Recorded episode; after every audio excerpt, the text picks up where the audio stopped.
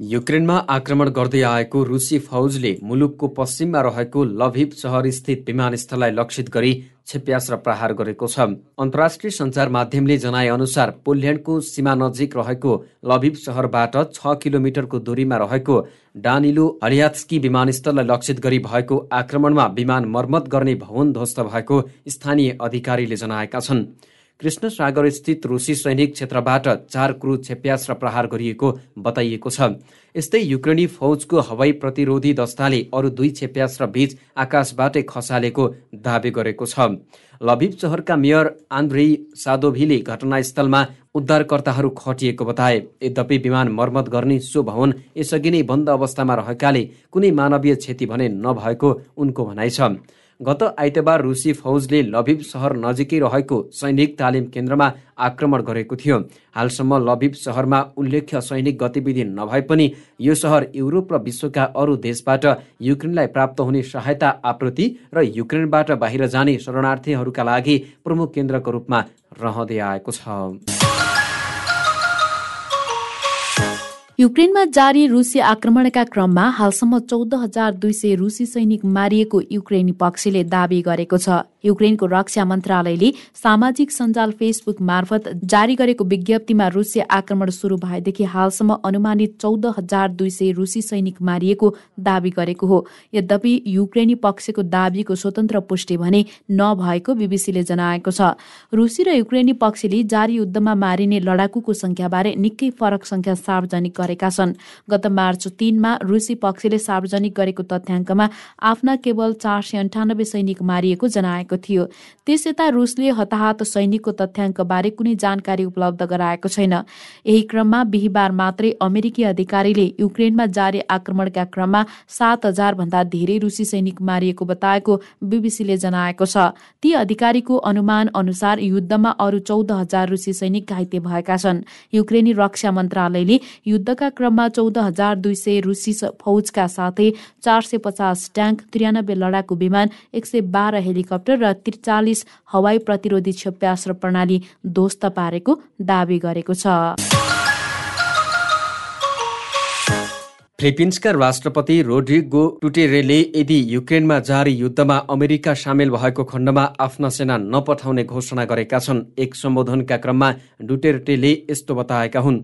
म सेना पठाउने छैन। यदि अमेरिकीहरू युद्धमा सहभागी हुन चाहन्छन् अमेरिकीहरू यही छन् मैले किन सेना पठाउने? उनले भने यदि हिंसा फैलाएको र केही गरी युद्ध यहीँ आइपुगेको खण्डमा अत्यन्त कठिन हुनेछ। म राष्ट्रपति रहेसम्म मेरा एउटै सैनिकलाई पनि युद्धमा पठाउन्न। अमेरिका र फिलिपिन्स बीच आपसी रक्षा सन्धि कायम छ। जस अनुसार एक मुलुकमाथि तेस्रो पक्षले आक्रमण गरेको खण्डमा अर्को मुलुकले सहयोग गर्ने उल्लेख छ। सन् दुई हजार सोह्रमा राष्ट्रपतिको पद सम्हाले यता डुटेरेले दुई पटक रुसको भ्रमण गरेका छन्। यसअघि केही अवसरमा उनले रुसी राष्ट्रपति भ्लोदिमिर पुटिन आफ्नो व्यक्तिगत मित्र र आदर्श भएको बताएका थिए। युक्रेनमाथि रुसी आक्रमण विरुद्ध विभिन्न मुलुकहरूले रुसी धनाडी र संस्थाहरूलाई प्रतिबन्ध लगाउने क्रम रोकिएको छैन। अमेरिका इयु बेलायत दक्षिण कोरिया जस्ता देशहरूले रुसमाथि विभिन्न किसिमका प्रतिबन्धहरूको घोषणा गरिसकेका छन्। यसबीच अस्ट्रेलिया र जापानले पनि रुसमाथि थप प्रतिबन्धको घोषणा गरेका छन्। अस्ट्रेलियाले रुसका धनाडे एवं राष्ट्रपति भ्लादिमिर पुटिनका निकटस्थ ओलेक देरीपास्का र भिक्टोर भेक्सेलबर्ग विरुद्ध प्रतिबन्धको घोषणा गरेको हो। त्यस्तै अस्ट्रेलियाले रुसको केन्द्रीय बैंक सहित एघार बैंक र संस्थानहरूमाथि पनि प्रतिबन्ध लगाएको छ। पछिल्लो प्रतिबन्धले रुसको सरकारी ऋण जारी र व्यवस्थापन गर्ने कार्यलाई प्रहार गरेको अस्ट्रेलियाको विदेश मन्त्रालयको दावी छ। त्यसै गरी जापानले पनि थप पन्ध्र रुसी नागरिक र नौ संस्थानलाई प्रतिबन्ध लगाएको घोषणा गरेको छ। जापानी प्रतिबन्धमा पर्नेमा रुसको सरकारी स्वामित्वको हतियार कम्पनी रोसोबोरोन एक्सपोर्ट पनि समावेश छ। संयुक्त राष्ट्रसङ्घले इथियोपियामा मानवीय सहायताको अवस्था दिन प्रतिदिन नाजुक बन्दै गएको जनाएको छ।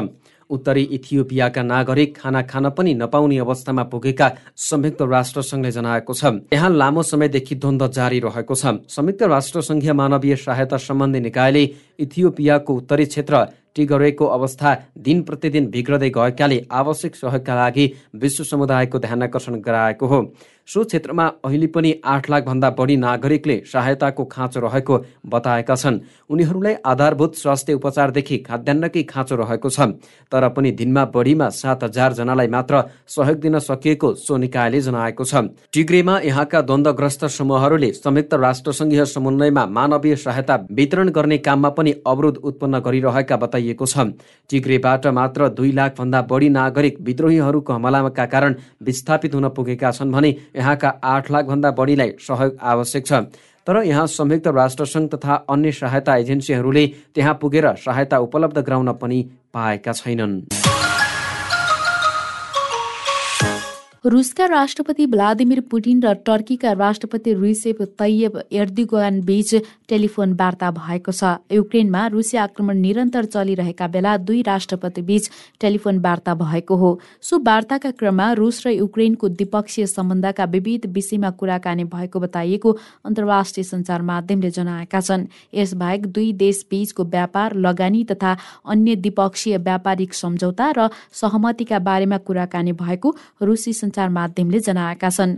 रुसी प्रशासन क्रेमलिनले दिएको जानकारी अनुसार फोन वार्ताका क्रममा हालै रुस र टर्कीका विदेश मन्त्री बीच यसअघि भएको भेटवार्ताका विषयमा पनि कुराकानी भएको जनाइएको छ। साथै रुसले युक्रेनमाथि गरिरहेको आक्रमणका बारेमा पनि टेलिफोन वार्तामा कुराकानी भएको क्रेमलिनले जानकारी दिएको छ। त्यसक्रममा टर्किस राष्ट्रपतिले युक्रेनबाट रुसले आफ्ना नागरिकको उद्धार गरी स्वदेश फर्काउनका लागि सहयोग गरेकोमा रुसी राष्ट्रपतिलाई धन्यवाद दिएका थिए। रुसले युक्रेनमा सैन्य आक्रमण जारी राखेको छ। रुसले युक्रेनमा गरिरहेको हमला तेस्रो हप्ताभन्दा पनि बढी भएको छ। यी दुई देश बीचमा शान्ति वार्ताको पहल भएको भए पनि निकास भने निस्किएको छैन। कोरोना महामारीले श्रम बजारमा असर गरेको छ। महामारीपछि भएको एक अध्ययनले दक्षिण पूर्वी एसिया क्षेत्रमा गरिबी चरम तहमा पुगेको देखाएको हो।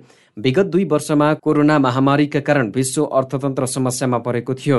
गत वर्ष कोरोना महामारीले दक्षिण पूर्वी एसियामा सडचालिस लाख मानिसलाई गरिबीमा धकेलेको एसियाली विकास बैङ्कले जनाएको छ। बैङ्कका अनुसार दैनिक एक दशमलव नब्बे डलर भन्दा कममा जीवनयापन गर्नेहरूलाई चरम गरिबी मानिएको छ। यो क्षेत्रमा त्रियानब्बे लाखको रोजगारी समेत गुमाएका छन्। रुससँगको युद्धको सामना गरिरहेका युक्रेनका राष्ट्रपति भोलोदिमिर जेलेन्स्कीले शान्ति वार्ताका लागि केही शर्त अगाडि सारेका छन्। जेलेन्स्कीले रुससँगको शान्ति वार्ताका लागि छवटा शर्त अगाडि सारेका हुन्।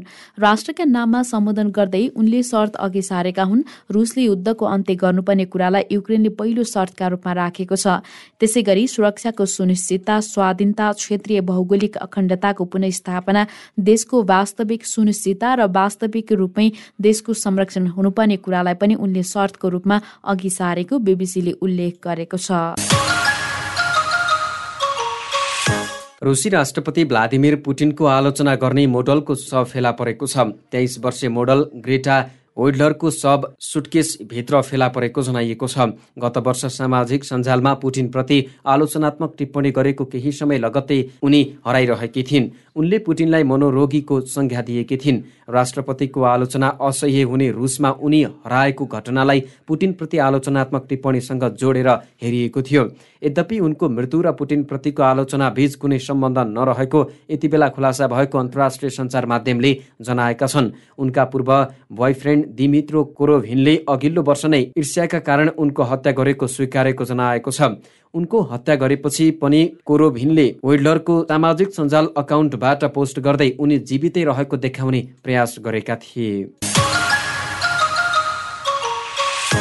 युक्रेनका राष्ट्रपति भ्लोदिमिर जेलेन्स्कीले आफ्नो देशलाई थप सहयोग गर्न जर्मनीसँग आग्रह गरेका छन्।